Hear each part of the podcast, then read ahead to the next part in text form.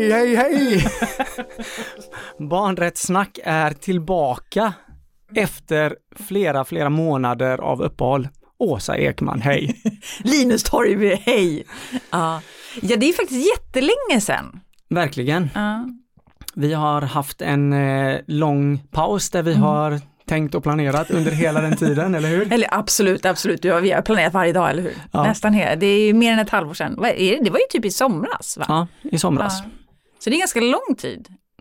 Så det har gått en, eh, en höst och eh, lite av en vinter kan man säga. Mm. Eh, Men nu är vi tillbaka här med ett lass med nya avsnitt. Precis, en, en säsong nummer fyra. Vi har ju en vårplan för oss här nu, eh, men jag tänker att innan vi börjar prata lite om det så, Ska vi inte prata, hur har vi haft det? Hur mår du? Vad gör du nu för tiden? jo men det, det kan vi göra och här kan man alltid välja, den, ska vi öppna den inre dörren eller ska vi låta den vara stängd och sådär. Men, eh, nej, men det har väl varit en eh, bra höst. Eh, lite nytt jobb för min del Just, delvis. ja. Ehm, så jag är eh, tillbaka på Rädda Barnen ehm, och jobbar med lite jätteintressanta frågor där. Som vadå? Kan du inte berätta det? Det är ju ja, jättespännande det är frågor. om hur ehm, civilsamhället och stad kan samverka kring ehm, att motverka segregation och ha, eh, jobba med en stad där barn har lika villkor oavsett var man växer upp. Alltså jag höll på att säga att det är typ ett omöjligt uppdrag, men det är, men det är typ så jävla viktigt ju. Ja men det är det och jag känner ju att eh, ja, men det här är ju ett uppdrag som på ett sätt speglas av viss liksom mediebevakning eh, som vinklar det på ett sätt men bakom den bevakningen eh, och de liksom fruktansvärda händelserna så är det också ett vardagsliv och, och barn och familjer som som kämpar och upplever massa saker så. Ehm, Ja, det finns så himla många perspektiv på den frågan eh, och vi har ju varit inne i det i vissa avsnitt så, men, men det är väl det jag har gjort en, en del så. Mm. Eh, förutom att harva runt med barn. Jag har blivit basketdomare. Är det Eh, sant? Jajamän, så jag är numera basketdomare i ungdomsbasket. Är du en sån, eh, vad, vad är du för typ av domare? Tänker jag. Är du en sån, vågar du säga till ordentligt? Är du lite så här, oh var inte det där lite fel? Eller hur, vad- eller liksom, Nej, jag hur är du? Är du liksom, Ja, men jag får ju delvis då döma, jag dömer ju då, två av mina barn spelar ju det basketlaget och ett av de barnen svär en del. Då, så att, ja, nej men det är fruktansvärt svårt, jag har aldrig spelat basket själv så att det är som att hoppa in i någon slags eh, cyb- rymdpraoa på NASA eller någonting. och då, då tänker jag så här lite, om det då är liksom dina barn, alltså är du hårdare mot dem än andra? Ja, ja, men det- Eller är det att du är lite snällare? Nej, mot- jag är hårdare mot Ah, dem ja. än mot alla andra. Säger ja, de det själva också? Ja. Så, så, så ja. Fast, ja, kul! Mm. Ja, lite så. Eh, vad har du gjort sen sist? Ja vad har jag gjort? Ja, nej men alltså det känns som att jag, vad har jag gjort? Jag har jobbat på, som har alltså haft massa roliga uppdrag och sådär hos massa viktiga organisationer. Mm. Ehm, det är väl typ, det med att jag får tänka lite så här, vad är, ja, men jag vet inte, jag har typ jobbat. Mm. Ja, sen har man väl, Vilken är det roligaste oj, uppdraget du har gjort? Fan det här skulle jag ju tänkt igenom innan. Ja men alltså det är klart att det, det är alltid kul så här, alltså alla uppdrag är ju superroliga. Vissa uppdrag kanske känns, ska, roligare är fel ord men känns ju så otroligt viktiga när det är så, här, när det är så himla viktiga organisationer. Mm. Alltså jag tänker så här, Barncancerfonden som jag har fått jobba med under hösten.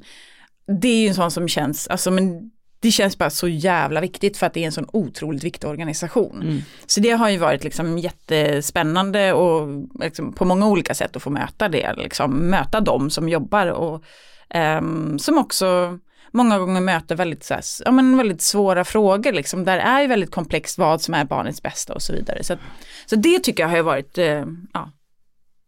Mm.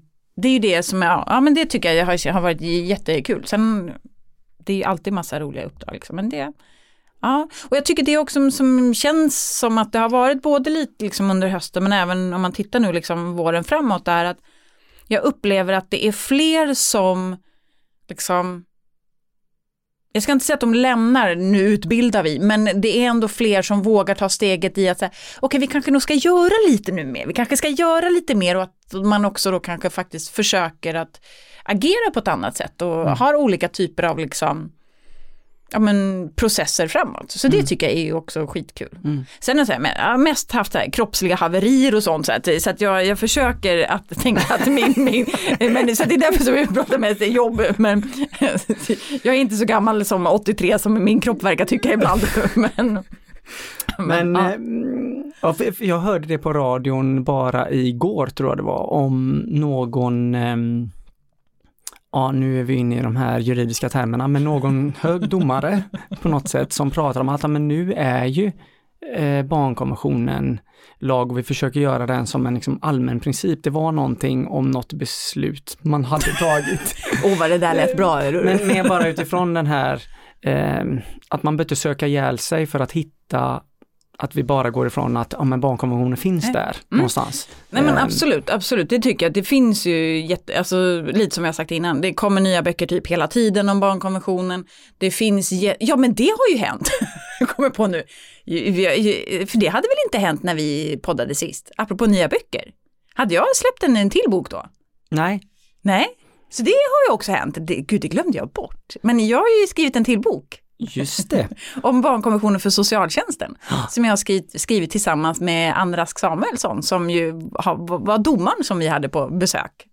Det här kanske kommer in lite mer i, i det här utvecklingssamtalet jag ska ja. ha med dig nu. Och jag har släppt en barnskiva. Nej, jag bara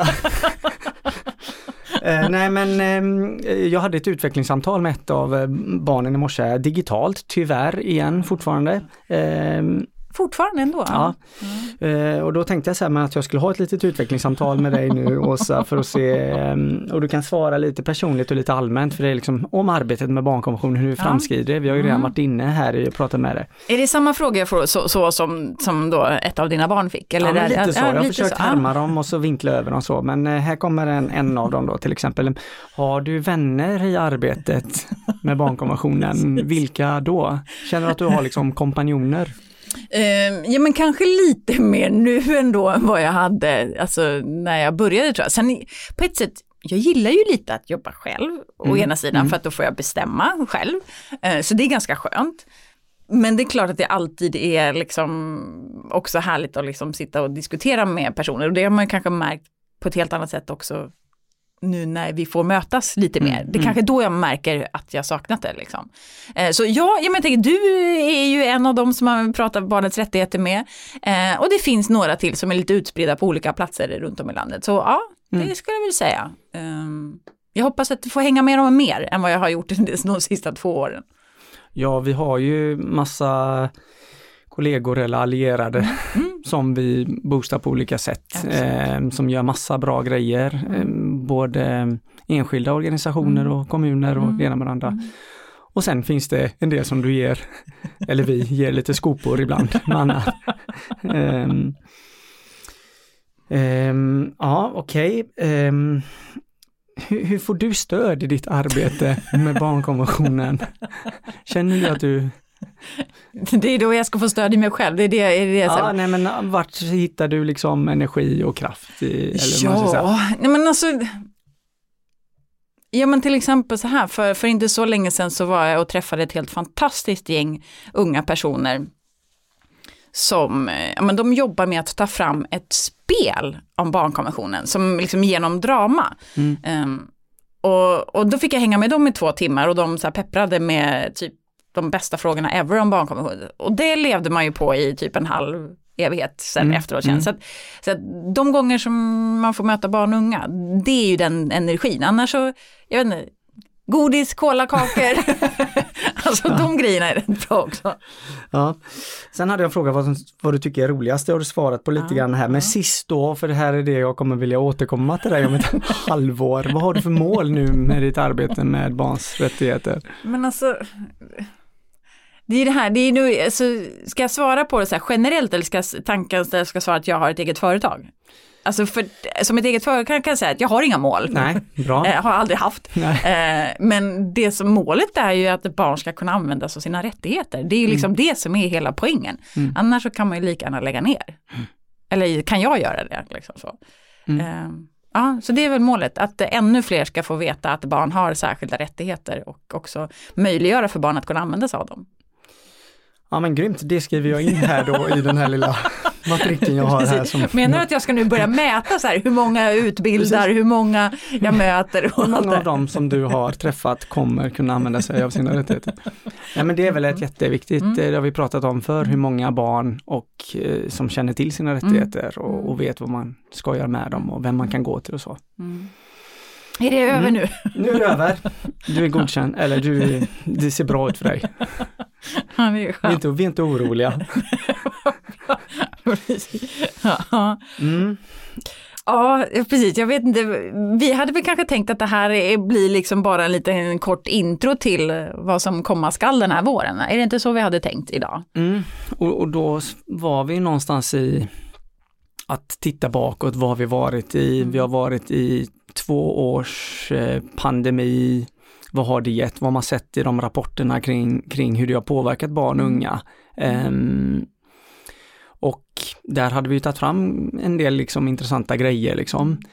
Och samtidigt så sitter vi ju här nu eh, en bit in i ett krig i Europa. Mm. Ehm, och det gör ju på något sätt, det och tillsammans med den här nya klimatrapporten gör ju att ehm, vi kliver in i en helt ny kris och samtidigt har vi den här underliggande liksom klimathotet som vi vet att barn påverkas mer av än vad vi faktiskt eh, tror som vuxna. Eh, och det behöver vi ändå på något sätt prata om, så vi, vi sa att tyvärr så blir det på något sätt att vi hamnar i ett introavsnitt som handlar mycket om barn i kris. Mm.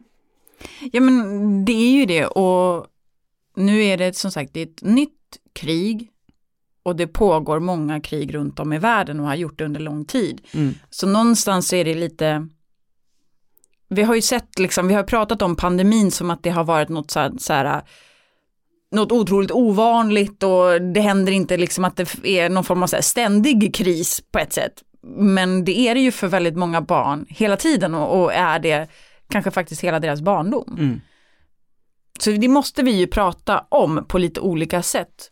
Men jag tänker, men om vi ändå börjar med att vi faktiskt ju lämnar pandemin Mm. på ett sätt Ja, utifrån att vi har liksom inte restriktioner, folk är fortfarande sjuka men det är inte liksom på samma sätt som innan. Vad, vad har liksom de här rapporterna som du har kollat lite på, vad, för, för det finns ju ändå, en, nu känns det som att jag bara lin- lindar in allting, men vi vet ju att en del har ju gjort liksom ordentliga barnkonsekvensanalyser där man har tittat så här, okej hur har det här påverkat barn och unga i våran kommun eller i våran region? Men vad, vad, säger, vad säger man liksom, hur, har vi kommit ur det eller vad, vad, vad säger barn och unga? Jag tycker att, att alla ska ta och försöka söka lite kring barn och corona och läsa igenom ehm, vad som har skrivits för att det finns en del rapporter kring det där man intervjuat barn, gjort enkätundersökningar och så vidare. Så det är viktigt att ha med sig de resultaten in i ja, vad behöver vi göra. Ehm, det, om man börjar i den positiva ändan för en gångs skull så det som barn säger bland annat då är ju, ja men en positiv faktor för vissa barn har ju verkligen varit att om jag får mer tid med min förälder, mina föräldrar, mina vårdnadshavare. Ehm, vi äter frukost ihop, vi, ehm, vi de jobbar inte sent, vi är hemma, vi träffas mer, vi har inte så mycket aktiviteter, det har vi pratat om Mm. innan, men det är Mm. verkligen någonting som har kommit fram då. Och en annan positiv sak är ju alltså den minskade klimatpåverkan som som covid faktiskt har dratt med sig med minskade flyg och så, den ligger jättehögt upp på stapeln och det var en av de, ja men det var en liten överraskning för mig och det Det säger någonting det tycker säger jag om Tina. om och, också om liksom barns liksom tankar kring, kring klimatet så. Ehm, de negativa staplarna handlar ju mycket om att träffa släktingar, träffa mormor och morfar. Att inte kunna ha gjort det. Eh, ja. Mm, mm. oro eh, över att bli sjuk, att någon i släkten ska bli sjuk, att någon som är i en riskgrupp ska bli sjuk. Ehm, så. Det är ju den liksom stora, stora andra delen. Oro över att restriktioner och sånt inte kommer funka och så vidare. Ehm, det är ju den stora delen. Och någonstans tänker jag att de två sakerna möts för att se, okej okay, men vad ska vi ta med oss in nu? Och också det här som jag pratat om att jag kan inte gå på mina aktiviteter, jag längtar efter det, jag längtar mm. efter min träning eller vad det nu är man har gjort så. Um, ja. Mm. Så det är väl en supersnabb eh, sammanfattning av det jag har läst. Mm. Ja, och när vi sa att vi skulle köra igång en så att vi måste ju börja prata om, alltså eller, ja men prata lite om hur tar vi oss ur alltså hur, du brukar använda uttrycket hur hämtar vi hem det som har varit? För att mm. det är ju jättemycket, det finns ju de som, på ett sätt har, så tycker vi ju, eller har vi liksom pratat om tidigare, att barns situation och barns levnadsvillkor har ju liksom synliggjorts på ett helt annat sätt än mm. vad det kanske har gjort innan. Vi har pratat väldigt mycket om hur barn påverkas av olika saker. Det tycker jag är ganska, liksom, det är ju klart, men det finns också så himla mycket som har pausats. Mm. Alltså mm. det är jättemycket arbete som har satts på paus eller barn som inte liksom har har kunnat till exempel ja, men delta i olika aktiviteter. Alltså det är ju mycket som har legat liksom på vänt. Eh, och två år är ganska lång tid i barns liv. Mm. Vad är det vi behöver liksom göra för att kunna komma tillbaka eller liksom komma in igen? Eller kan vi ens komma tillbaka? Kanske mm. frågan är. Mm. Nej, och där är det viktigt att koppla på ja, men, fritidsvaneundersökningar och sånt också, att kommuner eller stadsdelar eller titta på och se på men hur ser siffrorna ut och hur många föreningar har eh, eh, vad heter det? Men man tappar Stopp, sina... Tappat mm. barn och mm. vilket stöd behöver man och man kanske behöver nya informationskampanjer och nya rekryteringar av barn och ledare mm. och annat för att hämta hem det liksom.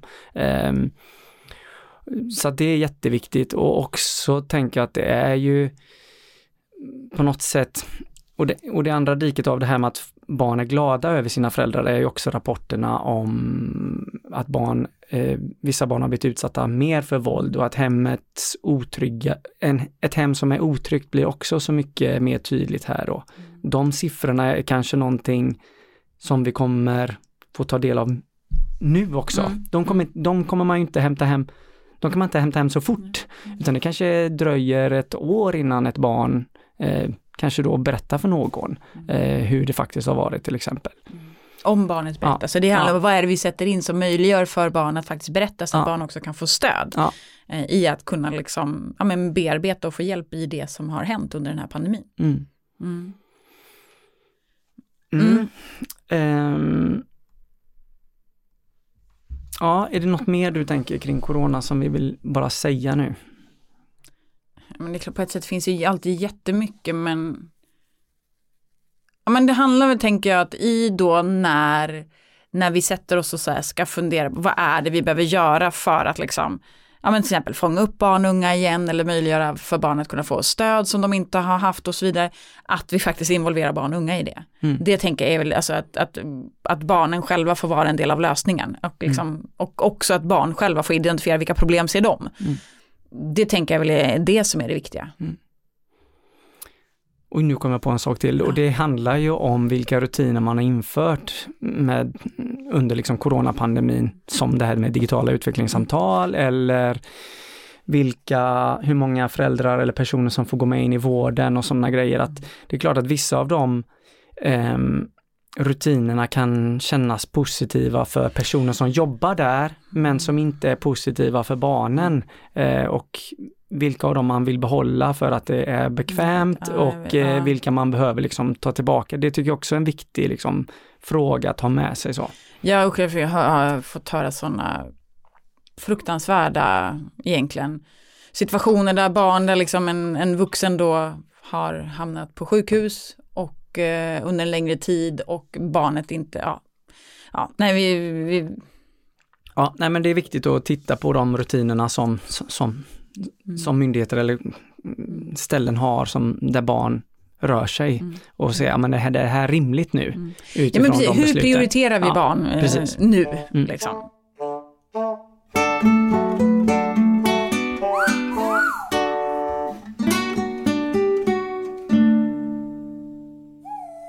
Men från en kris till en annan mm. då.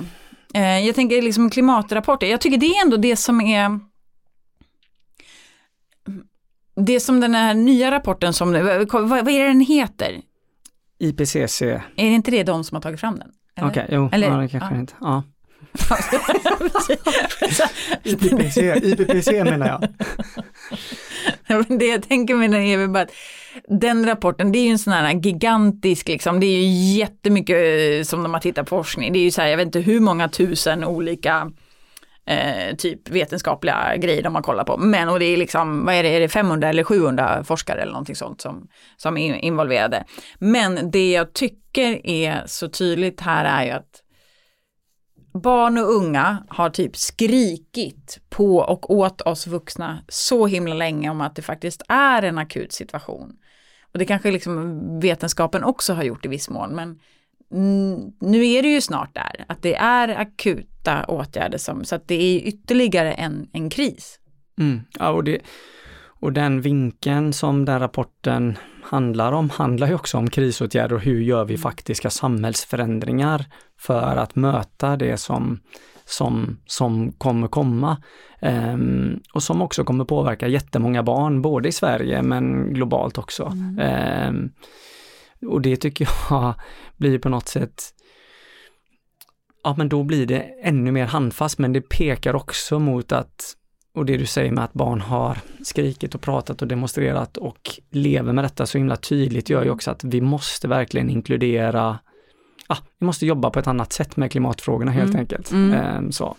Och det kan man kanske kan säga då om, som vi kanske borde egentligen ha, ha tänkt på och kanske, vi kanske ska fundera på om vi ska ha ett avsnitt om det, men det som har hänt liksom egentligen då sen, alltså nu finns det ju faktiskt en allmän kommentar om barnets rättigheter eh, som Ja men helt enkelt den här FNs barnrättskommitté, de har ju faktiskt erkänt att barnets rättigheter påverkas negativt av klimatförändringar och att de ju förväntar sig att stater faktiskt agerar.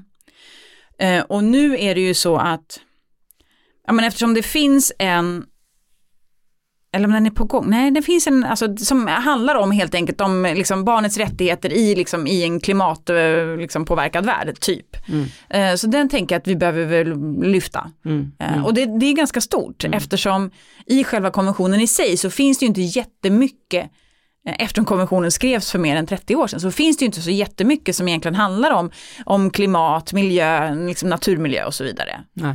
Eh, men nu, det är som, som sagt att FNs barnrättskommitté har ändå uttryckt hur viktigt det här är och därför så finns då den här liksom allmänna kommentaren. Mm, mm. Nu, nu blir jag så här, nu har jag så här, mitt minne, finns den eller är den bara på gång? Du bara ja, gud, nu kändes det som att jag behöver så här lite snabbt internetsöka tror jag. Men det som är är ju också att de har ju faktiskt fått ett eh, de har tagit upp det här, äh, de har ju fått, in, ja, kommittén tar emot de här individuella klagomålen från barn eh, i de länder där, ba, där liksom staten då har skrivit på det här tredje tilläggsprotokollet mm, mm. som vi har pratat om i, i något eh, avsnitt, som ju då Sverige inte har skrivit på. Så det innebär att barn i Sverige kan ju inte vända sig till FN eh, för att liksom mm, klaga på olika saker när rättigheterna kränks. Men det är så att det kom ju in ett sånt klagomål från barn från olika länder. Det var till exempel Argentina, Brasilien, Frankrike, Tyskland och Turkiet. Och de här klagomålet då från de här barnen handlade just om hur rätten till liv, hälsa, kultur och rätten att få sitt bästa beaktat, hur det påverkas negativt av klimatförändringarna. Och även om det liksom inte uppfyllde, för det är ett visst antal kriterier som måste uppfyllas för att kommittén ska ta, ta, liksom, ta upp det här ärendet, eller man säger. Och även om de inte, det kom inte till ett, ett sånt avgörande, för att det var ett av kriterierna som saknades. Men kommittén har med att de ändå liksom behandlade i den snurran och liksom pratar om det, har de ändå visat på att det här är frågor som kommittén kan komma att ta upp till ett avgörande. Mm. Mm. Hängde med eller blev det? Mm. Blev mm. ja. Så det tänker jag är ju en, en, en viktig fråga men då krävs det också att Sverige faktiskt skriver på det tredje tillägget eh, om mm. barns individuella eh, klagorätt. Nej, och, och, och det handlar ju på något sätt om barn och sen då igen då vad barn har högst upp i sitt mindset. Hur hamnar det på agendan? Och där tänker jag, vi har ett valår i år, vi kommer prata om frågor kopplat till det. Men där jag när man hör vilka frågor är aktuella i valet. Mm. För många vuxna så är kanske klimatet, ja men det är en fråga, men det är en fråga bland tio andra och man graderar det så. Men om vi skulle fråga barn och unga vilken är den viktigaste framtidsfrågan? Ja, jag är ganska säker på att klimatet skulle hamna Absolut. absolut. bland Mm. topp tre. Och vad hos- hade hänt om barn själva hade haft rösträtt? Ja. Undrar. Ja. Vad hade vi haft för partier då? Mm. Eh, alltså generellt, vad hade det funnits för partier om barn själva hade haft rösträtt och också därmed kunde starta egna partier Mm. eh, och vara valbara? Mm. Mm. Mm. Och samtidigt så släpps ju den här rapporten då mitt i eh, mitt i det här kriget som vi upplever just nu. Mm. Ehm, det kommer fram en del ehm, och samtidigt så drunknar ju det i mycket annan rapportering som, som vi får ta del av men också som barn får ta del av genom sociala medier och så också. Har du någon tanke kring kring att eh, ehm, kring att barn så liksom på ett sätt ostört får kan Ja. genom sina telefoner eller datorer ta del av så mycket bilder och information och, och med mera från, från krig. Det handlar inte bara om detta kriget, det finns ju även från andra konflikter, men, men det exploderar ju nu på något sätt. Ja, jag vet inte, det finns ju så mycket vi kan prata om det, men, men och det tycker jag också det som har varit liksom att faktiskt så många aktörer riktar sig direkt till barn, att Mm. faktiskt prata upp, både att eh, uppmanar vuxna generellt att prata med barn om barns oro, om det barn ser och den informationen som barn tar del av. Det tänker jag är en så här jättebra, viktig grej. Men det är ju ofta så att barnen är ju där mycket snabbare än vuxna i alla fall.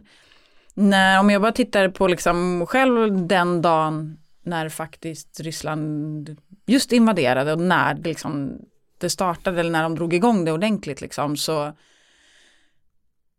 så kunde jag ju själv inte sluta titta. Ehm, jag, och jag vet inte hur ja, mycket människor som man faktiskt ser på olika ja, människor i ett krig. Ehm, och med allt vad det innebär. Och om jag som vuxen, liksom, det bara finns där väldigt enkelt så gör det ju det. Det gör ju såklart det för barn och unga också. Så jag tänker där är de kanske före. Mm. eh, Eller ser andra delar än det som vi som vuxna kanske då tittar på nyheterna ser. Mm.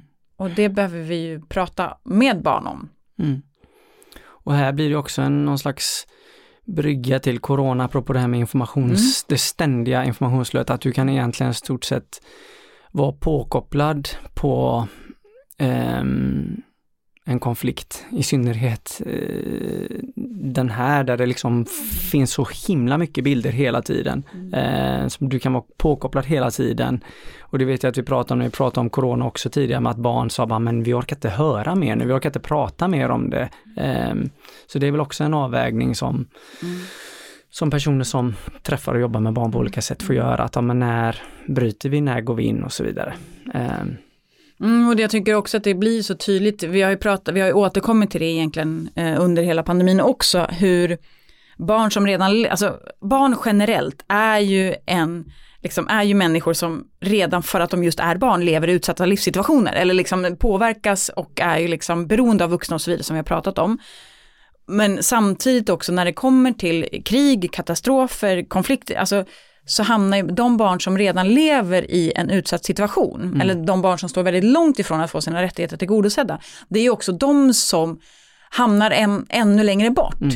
Om man tittar på, rasism försvinner inte för att det är krig. Nej. Eller om man tittar på barn som eh, med funktionsnedsättning eller normbrytande funktionsförmåga eller funktionsvariation. Ja, men använder du till exempel en rullstol, har du ens tillgång, kan du ens ta dig till ett skyddsrum? Mm.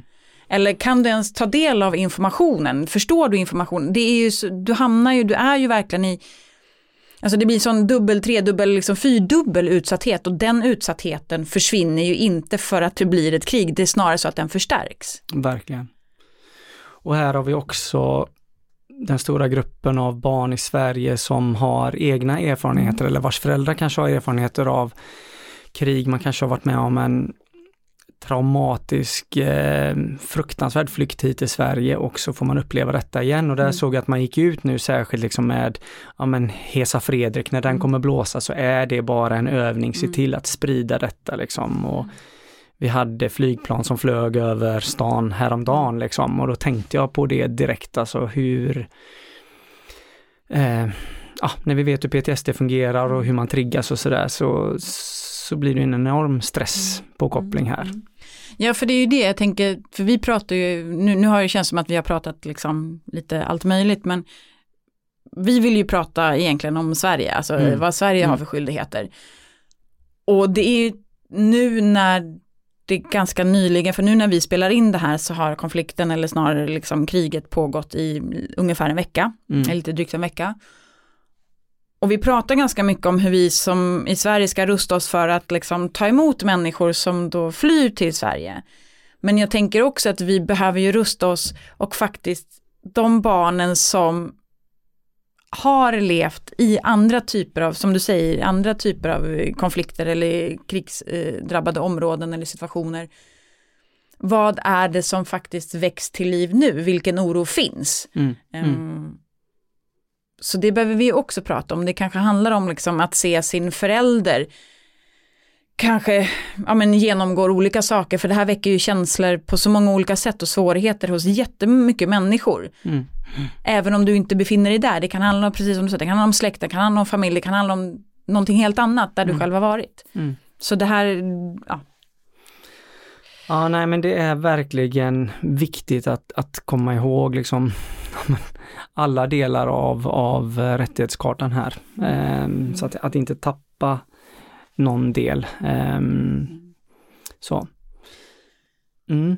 Det känns, nu blir det så här, alltså det är ju, det är jävligt tungt, alltså det är det. Ja. Um, men eh, barnets rättigheter, det är därför det faktiskt är extra viktigt. Det är ju också nu som det blir så tydligt hur viktigt det är att försvara mänskliga rättigheter, att försvara demokrati exakt hela tiden, varje dag. Mm. Ja, fortsätta göra det som vi gör som är bra mm. för barn så att man bygger den liksom resiliensen, motståndskraften mm. hos barn och att på något sätt fortsätta vara med i olika eh, demokratiska system och föreningar och, och mm. att man har samtalet öppet i skolan och sådär. Så att det, det, är så oerhört viktigt så. Um, och, och, där har vi ett ansvar som vuxna att inte zooma in uh, för mm. hårt på något sätt och också att sätta en rimlig inzoomning på just uh, Ukraina-konflikten när vi mm. som sagt uh, vet att ja, men det finns oerhört många krig i världen och som har pågått under en längre tid där barn ja, lever under fruktansvärda förhållanden år ut och år in. Så. Mm. Jag funderar på om vi ska avsluta med ett eh, att läsa upp ett inlägg som jag eh, läste häromdagen, mm. eller för ett tag sedan. Eh, vi kan pröva om, mm. om det, jag tycker det kan vara en bra avslut. Det är ganska långt i och för sig. Mm. Ska vi pröva? Vill vi berätta först hur folk kontaktar oss eller vill vi ta det efter? Bra fråga, nu när du säger det kanske vi ska ta det nu då, om du redan, ja. nu när du har outat det. Ja, nej men då så säger vi så här att eh, ändå väldigt roligt att vara tillbaka mm. och ni vet att ni når oss via Instagram, barnrattsnack. Ja. Ja, eller så söker man på Barnrättssnack. Ja, precis. Sök på Barnrättssnack. och så kan ni mejla oss på barnrattsnack.gmail.com. Um, ehm, och så tackar vi eh, de som hjälper oss med detta. Och mm. det är ju Jakob som har gjort gingen och eh, Anna-Karin som har fotat Klockan är halv fem på morgonen den 24 februari. Um, jag kan inte sova och har tagit upp mobilen för att scrolla lite. Läsa nyheter och kanske få hjälp att somna om. Men det jag nu läser har motsatt effekt. Ryssland inleder invasion av Ukraina. Uppgifter om strider. Jag får panik. Hör mitt hjärta slå hårt. Dunk, dunk. Jag kan höra bomberna. Rummet blir ljust av skenet från när de smäller. Det är skottlossning och jag känner lukten av rök. Flashbacks från när jag var barn. Minnena är så tydliga att det känns som att jag är tillbaka i Palestina igen. Jag vet vad människorna i Ukraina just nu går igenom och det gör ont i hela mig. Men mitt bland alla skrämmande minnen dyker det plötsligt upp ett som gör att jag kan börja andas djupare och lugnare igen. Jag ser levande ljus och tecken på golvet i det lilla rummet som var det säkraste rummet i hemmet. Jag sitter med mina föräldrar och fyra syskon. Nära sitter vi varandra för att känna tryggheten och värmen. Min mamma föreslår att vi leker en lek. En person får vända sig om medan resten av oss väljer en ledare som gör en rörelse som vi andra härmar. Personen som suttit bortvänd får nu titta och gissa vilken ledare som kommit på eh, rörelsen är. Vi lekte detta i timmar och skrattade så, så mycket. Bomber och skottlossning fortsatte höras utanför, men så småningom slutade vi barn att hoppa till av rädsla när det smällde och blev istället bara irriterade över att de störde oss i leken. Det här blev vår familjetradition, varje gång vår stad angreps. Så fort elen försvann tog jag och mina syskon med oss våra tecken till rummet. Pappa tände ljusen och vi visste att nu blir det lek hela natten lång. Jag tänker ofta på detta i min roll eh, på Clowner utan gränser. Hur lek och fantasi kan förändra världen. Mina tankar går nu till alla barn och familjer som är drabbade av kriget och jag hoppas att varje barn just nu får sin version av ett tänt levande ljus och lek. Någonting som ger hopp i skrämmande tider.